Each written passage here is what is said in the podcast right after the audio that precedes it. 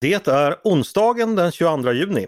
Jag heter Andreas Eriksson och du lyssnar på Ledarredaktionen, en podd från Svenska Dagbladet.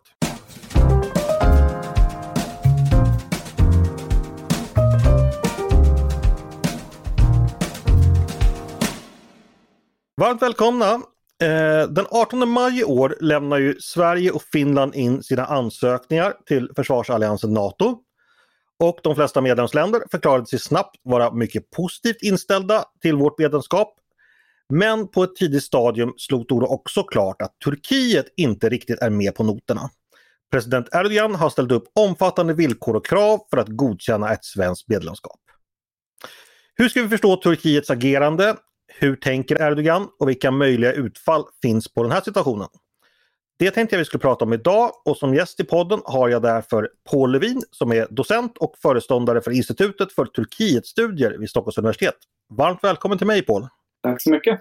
Eh, ja, vi sätter väl igång direkt. Eh, inför den svenska NATO-ansökan beskrev, i alla fall som jag minns det, många det, den kommande processen som ganska okomplicerad och mest ren formalia. Att vi, vi mer eller mindre skrev in oss i NATO.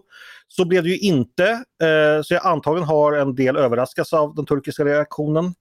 Hur överraskad blev du av att Turkiet har gjort motstånd? Alltså risken fanns ju där. Det var ju, alltså, en av dina eh, kollegor på nyhetsredaktionen, eh, Jesper Strömbäck, eh, gjorde en, en, skrev en artikel, eh, om det var veckan innan eller ett par veckor innan eh, det svenska beslutet kom, där han just lyfte farhågorna eh, och jag var intervjuad i den. Eh, och, och, så, där. så var, vi var väl några som hade eh, påtalat riskerna med att till, det till exempel skulle kunna bli föremål för eh, inrikespolitik, eh, kanske av eh, allianspartiet eh, MHP, som är ett nationalistiskt parti som Erdogan så att säga regerar med, med stöd av. Ehm, och de kunde man tänka sig skulle kunna göra det här till en grej. Men samtidigt så var det ju så att Erdogan hade ju eh, så att säga gett klartecken. Eh, mina källor sa mig att eh, utrikesministern Cavusoglu hade meddelat Ann Linde i ett möte i Bryssel att de inte hade eh, eh några invändningar utan kommer släppa fram det. Så att, eh, eh, det, risken fanns men, men jag var ändå ganska förvånad. Hur, hur ska man då tolka det här turkiska agerandet? Varför, varför gör man som man gör helt enkelt?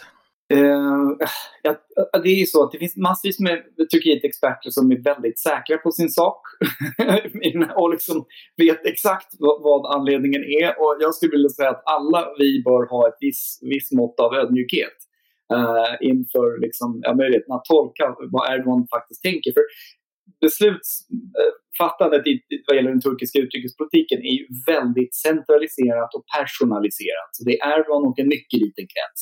Och jag fick känslan att det var inte bara vi som var överraskade utan även stora delar av UD, eh, turkiska UD.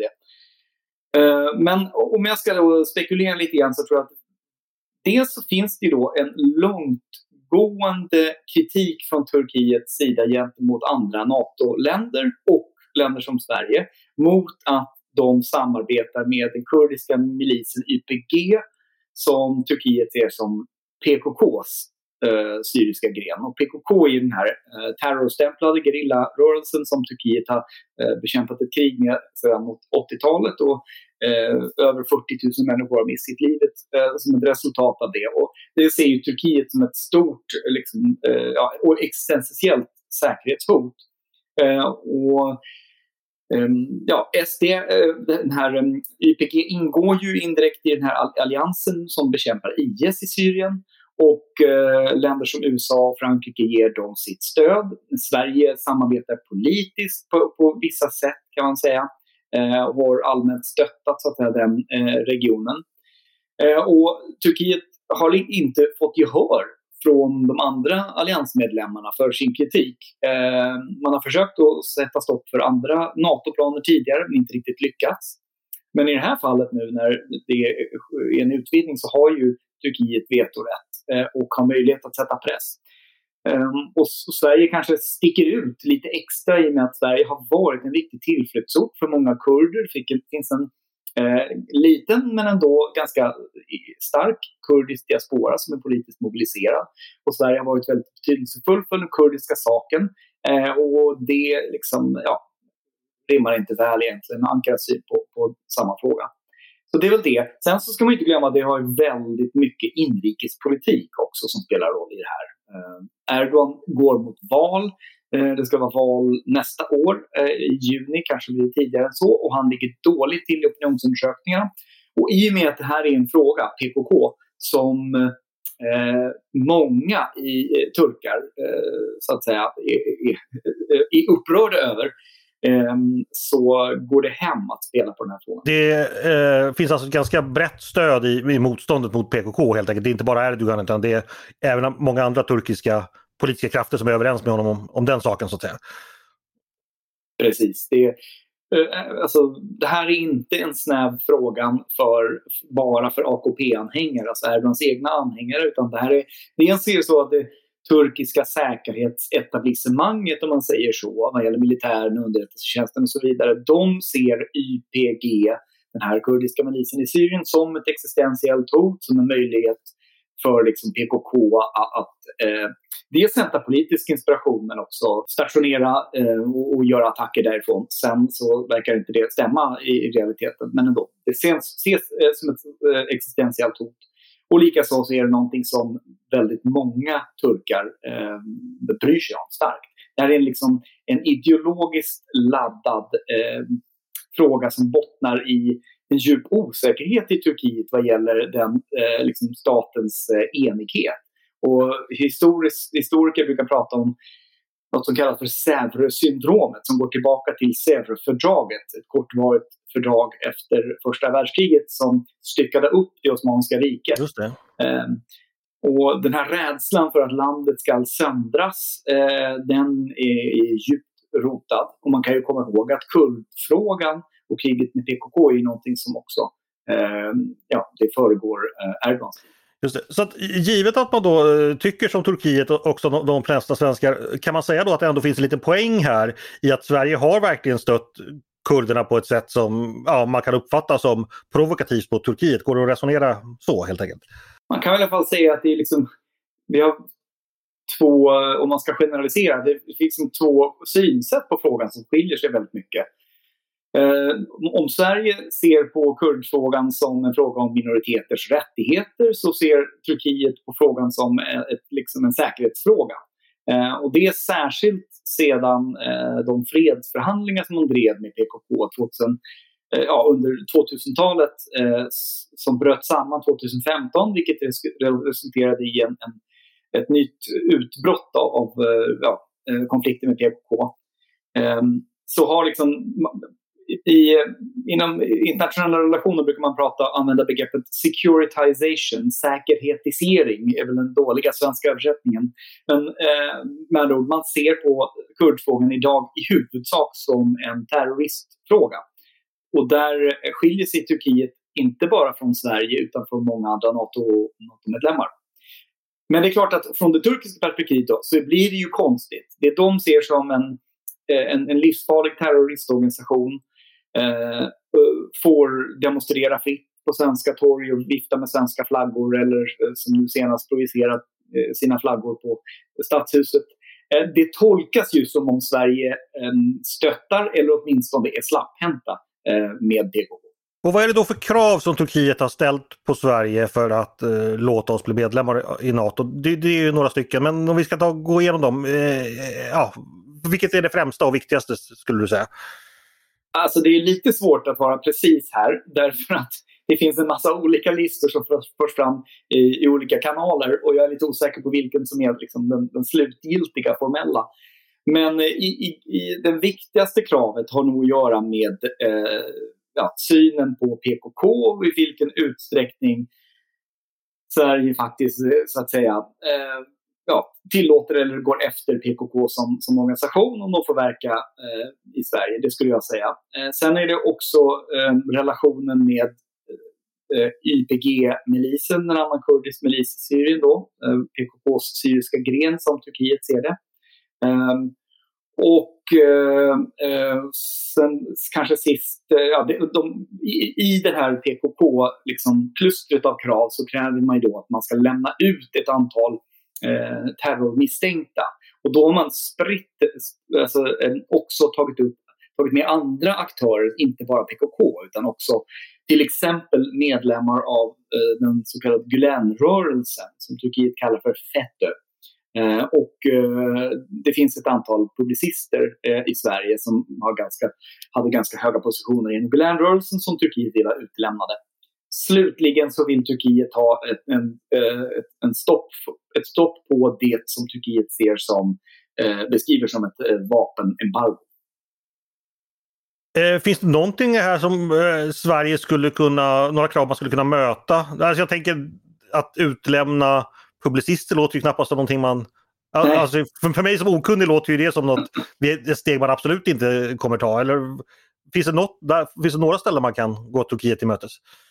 Man kan ju lite slarvigt på något sätt eh, säga att alltså, om Sverige skulle gå alla de där kraven till mötes då skulle det krävas att Sverige blir något av en auktoritär polisstat och det är väl kanske vi kanske inte helt eh, villiga att göra. Um, Sen så är det väl möjligt så att här, några av alltså, de här kraven kan ses som maximalistiska förhandlingskrav. Att Turkiet vet att de inte kommer få allt men de ställer höga krav och hoppas på på något. Det är en tolkning. En annan tolkning är att de ställer så här höga krav för att de vet att de inte kommer få dem och att de snarare vill ha kriget eller så att säga konflikten över detta. Men om man tittar på innehållet så är det väl så att eh, den regeringen har ju redan, den svenska regeringen har redan signalerat att eh, eh, tillsammans med Finland att man är beredd att tumma på eller titta på det här med vapenembargot. Det är ju inte formellt något vapenembargo. Det är ju Inspektionen för strategiska produkter som gör individuella bedömningar. Eh, men eh, den lyssnar ju på regeringens eh, tolkning av säkerhetsläget så det spelar ju förstås roll. Så det är ju en öppning som, som man redan har signalerat. Eh, och dessutom så är det så att vi har nu från och med 1 juli en ny eh, terroristbrottslag Eh, och den lagen, även om den inte eh, den kan ju inte ses som en eftergift till Turkiet, för det är, den baserar ju på en, baseras på en utredning från 2019 och, och um, har en längre historia som ja, åtgärdar brister som vi själva har liksom identifierat. Den kan likväl få konsekvenser som Ankara borde vara nöjda med vad gäller uh, möjligheten att till exempel uh, ja, Eh, lagföra personer som, som stödjer terroristorganisationer på olika sätt. Det har ju talats en del om att Turkiets krav, du har varit inne på det också, inte bara har med Sverige att göra utan också med, med, med andra NATO-länder. Exempelvis USA och det här med, med eh, köp av stridsflygplan från USA. Hur mycket ligger det i de spekulationerna? Är det, är det sannolikt att det, att det förhåller sig på det sättet tror du? Ja, det är ju möjligt. Alltså, som, jag öppnade ju med att säga att jag tycker att vi alla, alla analytiker bör ha en viss grad av ödmjukhet när vi försöker liksom förklara och säga vad som är viktigast. Eh, så jag skulle ta med det. I, liksom en, det är snarare så att det finns en, liksom en lista och, och med det här vetot så kan Erdogan utslå slå flera flugor i en smäll. Eh, Eh, och eh, även om jag tror att man ska ta de här kraven som man ställer mot Sverige på allvar, att Turkiet menar allvar, ehm, även om det bara är en, så att säga, en, en mer av en inrikespolitisk, eh, ett inrikespolitiskt motiverat eh, utspel av Erdogan det här, eh, så är det så att det är någonting som många känner starkt för, som jag redan har sagt. Så eh, det kravet tror jag man ska ta på allvar ändå, de här kraven. Men det kan också vara så att Turkiet vill ha Eh, eller åtminstone kan delvis eh, tillfredsställas av eh, saker som man skulle kunna få från USA. Nu ska det sägas att jag tror att sannolikheten att man faktiskt kan få det eh, är ganska små. Det fanns en möjlighet att, att den här eh, ja, försäljningen av F16-plan och moderniseringskit skulle kunna gå igenom, inte vad jag förstår på amerikanska experter. Det satt fast i kongressen, men det fanns viss rörelse där eh, efter Ukraina-kriget när Turkiet då stängde på spåren och gav, eh, sålde drönare till Ukraina till exempel. Eh, men i och med Turkiets agerande nu så verkar ju utsikterna vara mycket mindre. Och om Turkiet skulle fortsätta och eh, så att säga, hålla fast vid sitt veto eh, efter Madridmötet tror jag eh, möjligheterna att få eh, liksom, kongressen att, att ge efter för Turkiet eh, minskar ännu mer. Sen har jag liksom, amerikanska experter, när man talar med dem om det här, säger ja men vill ni verkligen att vi ska ge stridsflyg till Turkiet? är, det liksom, är det rätt um, att göra så um, för att, att, köpa, köpa deras medhåll? Um, ja, det finns ju en annan dimension också. Det är en, en, en rysk dimension. Mm, just det. Um, och vad finns att säga om den? Alltså det finns en hel del att säga som är ganska spekulativt. Um, så det, finns, det fanns ju vissa teorier som framförs att det här har att göra med Putin. Uh, för att man, följer man principen follow the money så är det ju Putin som kanske gagnas mest av det här bråket. Uh, Ehm, det skapar interna liksom, så splittringar inom NATO och sen så förhindrar det NATO-utvidgningen till ryska gränsen. Men, eh, och därför ligger det nära till hands att tro att det är någon slags deal mellan Erdogan och Putin. Ehm, där Erdogan ska få någonting i gengäld. Alltså ja, eh, det kan vara så. De har ju en relation och, och de, de, är ju inte, eh, det ligger ju inte liksom långt ifrån dem, Putin och Erdogan, att, att köpslå. Men jag tycker inte att jag ser indikationer på någon sån deal ännu.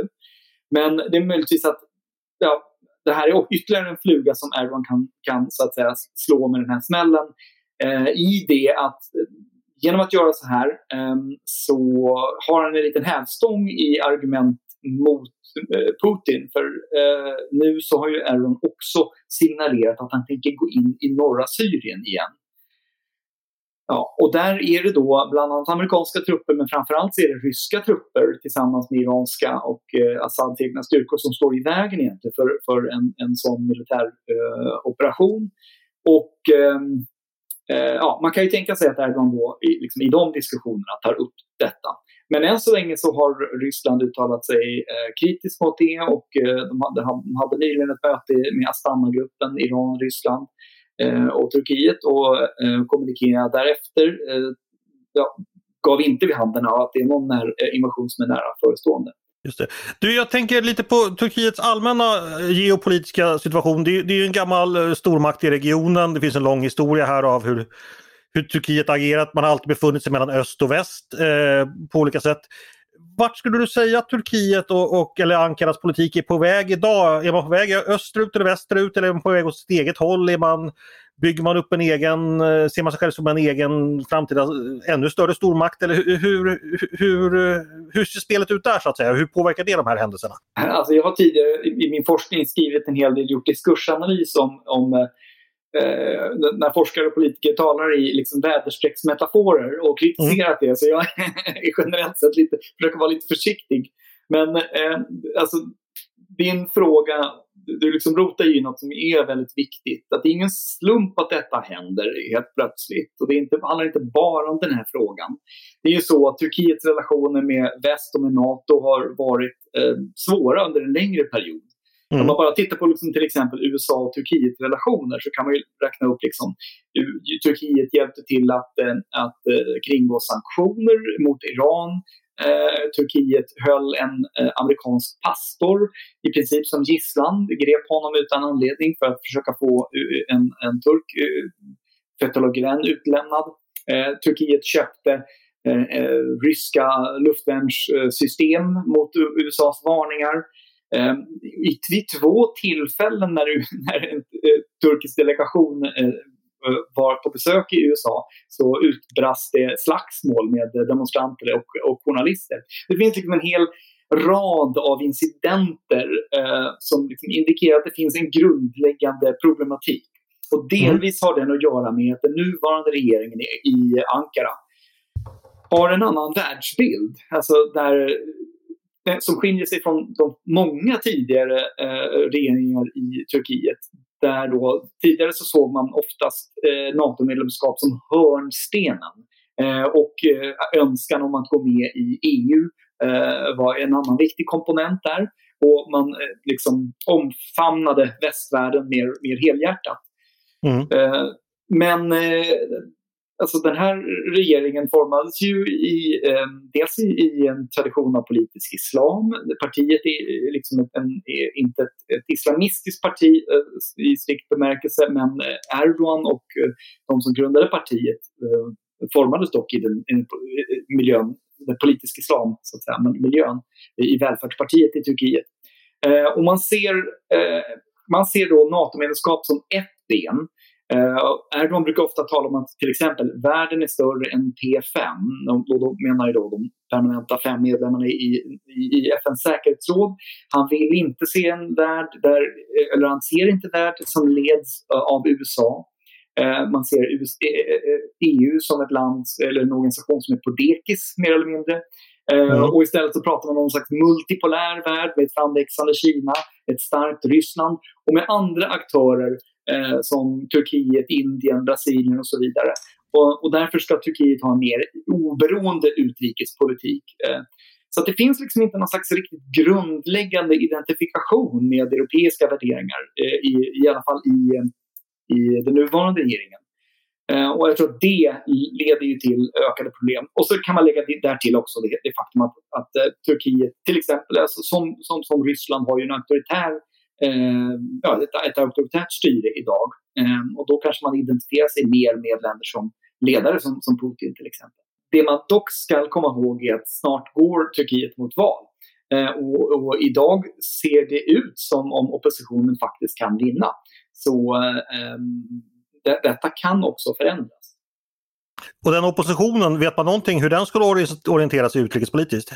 Ja, oppositionen består idag, det finns en koalition av sex partier. Eh, den leds, eh, kan man väl säga, informellt av det största, parti, största oppositionspartiet, CHP. Eh, och det är landets grundare Atatürks gamla parti.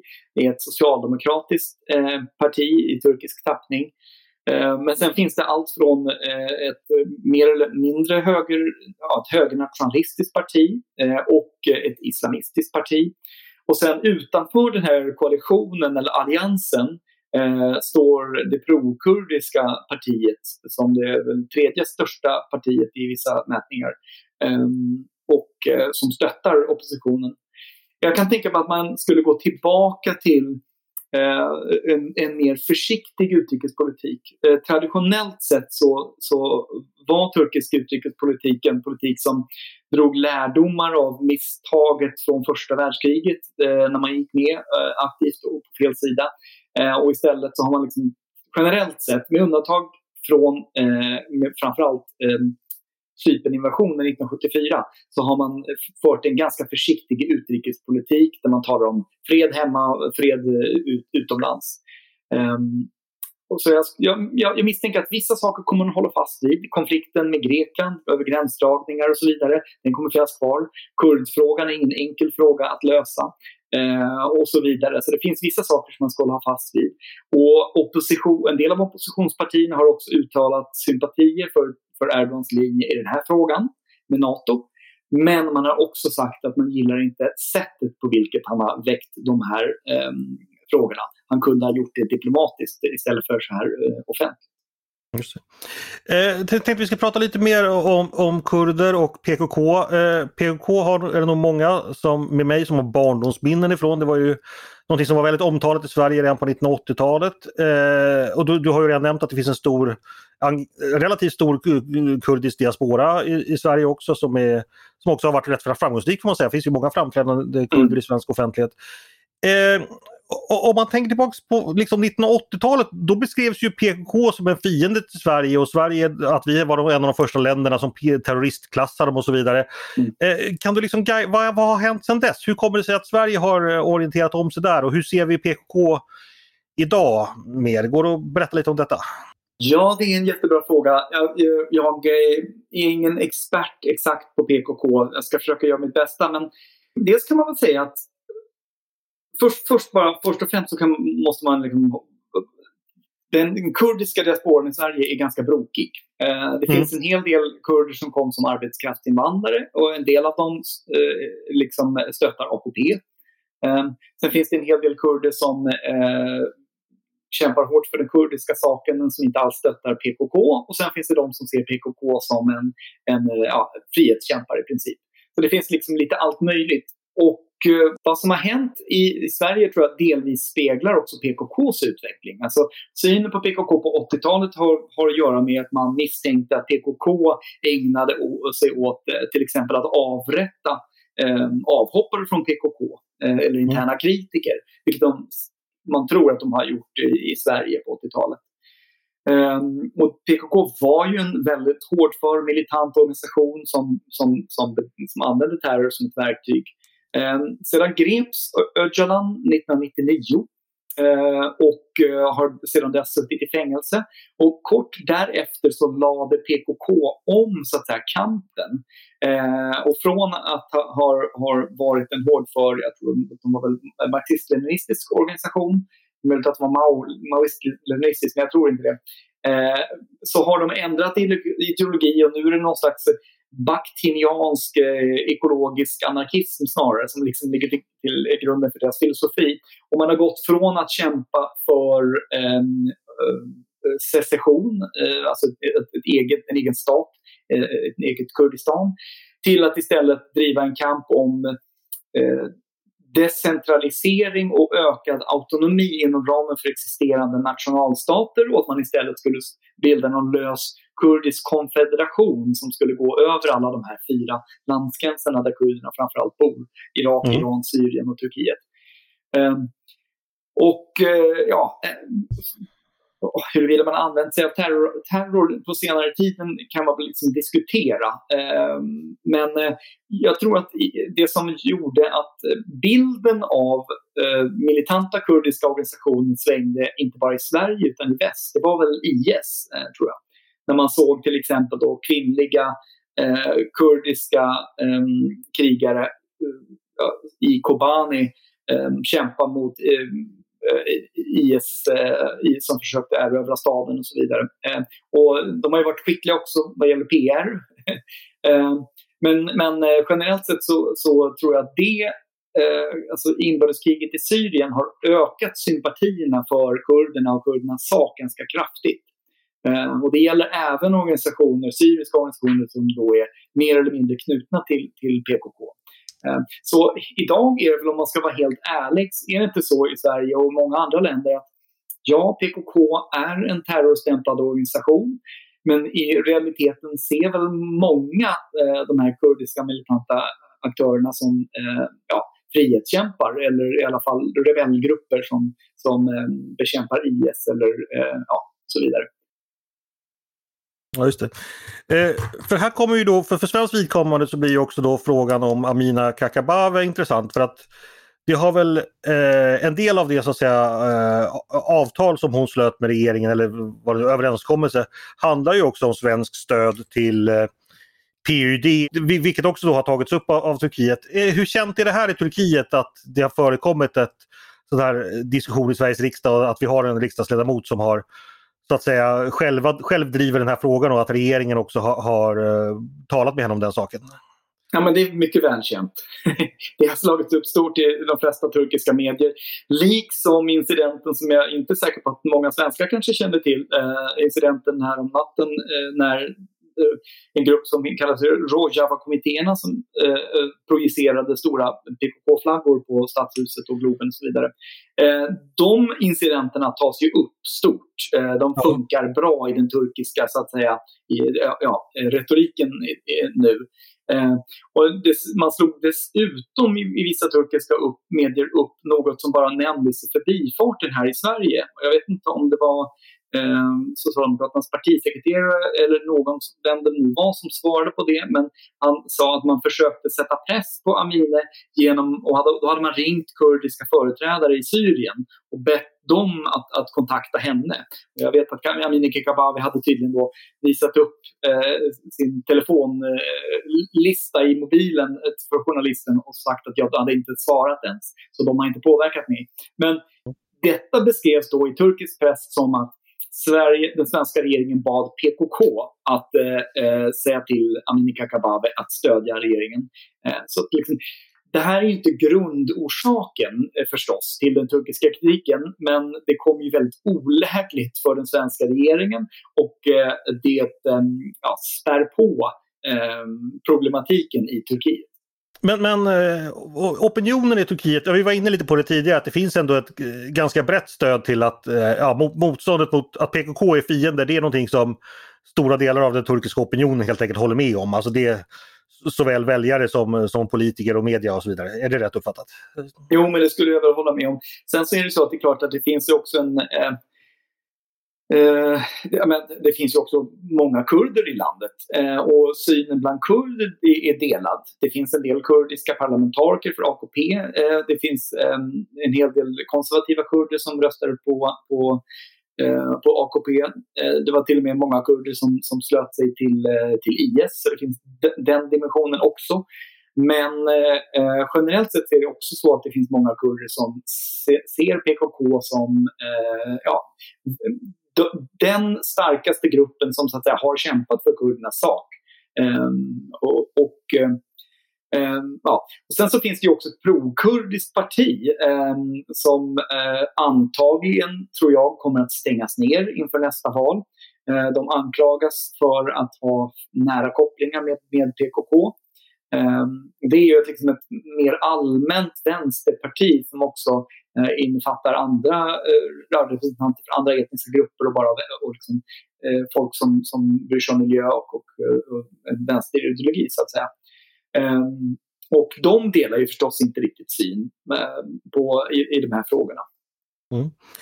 Du, du, om de skulle ringa upp från UD, eller det kanske de redan har gjort, och, och fråga dig om råd, alltså hur ska vi göra för att lösa den här situationen? Vad, vad, vad skulle du ge, ge för råd då? Eller, eller vad gav du för råd när de, när de ringde? om jag gav råd så, så håller jag dem mellan mig och UD i sådana fall. Men, nej, men alltså, jag, tror, jag har väl sagt offentligt hela tiden att jag tycker att det är viktigt att man eh, jag tror att man måste ta de här råden på allvar. Jag tror inte att man ska förvänta sig att någon annan, till exempel USA, ska komma in som en så att säga, riddare på en vit eh, eh häst och, och rädda oss. Eh, jag tror att det kommer att krävas att andra aktörer visserligen kliver in, men i huvudsak, och det här har ju USA faktiskt signalerat från första början, i huvudsak så är detta en bilateral fråga. Ehm, eh, så det handlar ju om att försöka se vad som är möjligt att göra Eh, utan att rucka på principer som för oss vore oacceptabla att rucka på. Eh, och det handlar både om liksom, eh, en, en, bred sympati med kurdernas sak, som jag personligen jag delar, och också en... det är ju liksom omöjligt till exempel att rucka på, på rättsstatens principer vad gäller liksom, utlämningar och så vidare. Så att hitta någon slags balansgång där. Sen så är det förstås också så, eh, vilket regeringen bör tänka på, att det finns ju en risk, eh, som jag redan har tagit upp, att Erdogan inte är så intresserad av eftergifter utan han är intresserad av den här konflikten. Därför att den funkar inrikespolitiskt för honom. Och om, det är så, eh, om det är fallet, ja, då finns det väldigt lite som regeringen egentligen kan göra. Och då, då är problemet att man kan riskera att eh, göra svåra, politiskt svåra eftergifter och kanske moraliskt svåra eftergifter som sen eh, Erdogan ändå eh, så att säga viftar bort. Till exempel så reagerar Turkiet, eh, alltså Ankara idag, när nu Sverige presenterar en tuffare lagstiftning mot, mot terror. Um, och då skjuter man fram så att säga målet lite grann och säger att ja, men det som spelar roll är implementeringen. Så vi kommer att vänta och se hur ni faktiskt eh, agerar och går efter PKK. Slutligen så skulle jag vilja säga också att det finns ju också eh, det kan finnas andra tillfällen, eh, även om man då öppnar, eh, öppnar upp för ratificering. Eh, jag tror inte att det kommer hända i Madrid. Det, finns, det är inte omöjligt, men, men jag tror inte det. Men om man så småningom öppnar upp för ratificering, ja, men då ska också sen turkiska parlamentet rösta ja. Och det är möjligt att det kan krävas, kommer ytterligare krav eh, då så eh, kanske spara också på krutet lite grann eh, så att man har någonting kvar om det skulle krävas att ge. Ja, eh, det är onekligen en komplicerad och svår fråga för våra utrikespolitiska, ja, våra utrikespolitiska myndigheter att hantera helt enkelt. Stort mm. tack Paul Levin för att du kom till mig och berättade om alla dessa intressanta saker. Tack, tack. Och tack också till er som har lyssnat eh, på Ledarredaktionen, en podd från Svenska Dagbladet. Hör jättegärna av er till oss på redaktionen med tankar och synpunkter på det vi har precis diskuterat. Eller om ni har idéer och förslag på saker vi ska ta upp i framtiden. Då är det bara att mejla till ledarsidan svd.se. Dagens producent, han heter Jesper Sandström. Jag heter Andreas Eriksson och jag hoppas att vi hörs igen snart.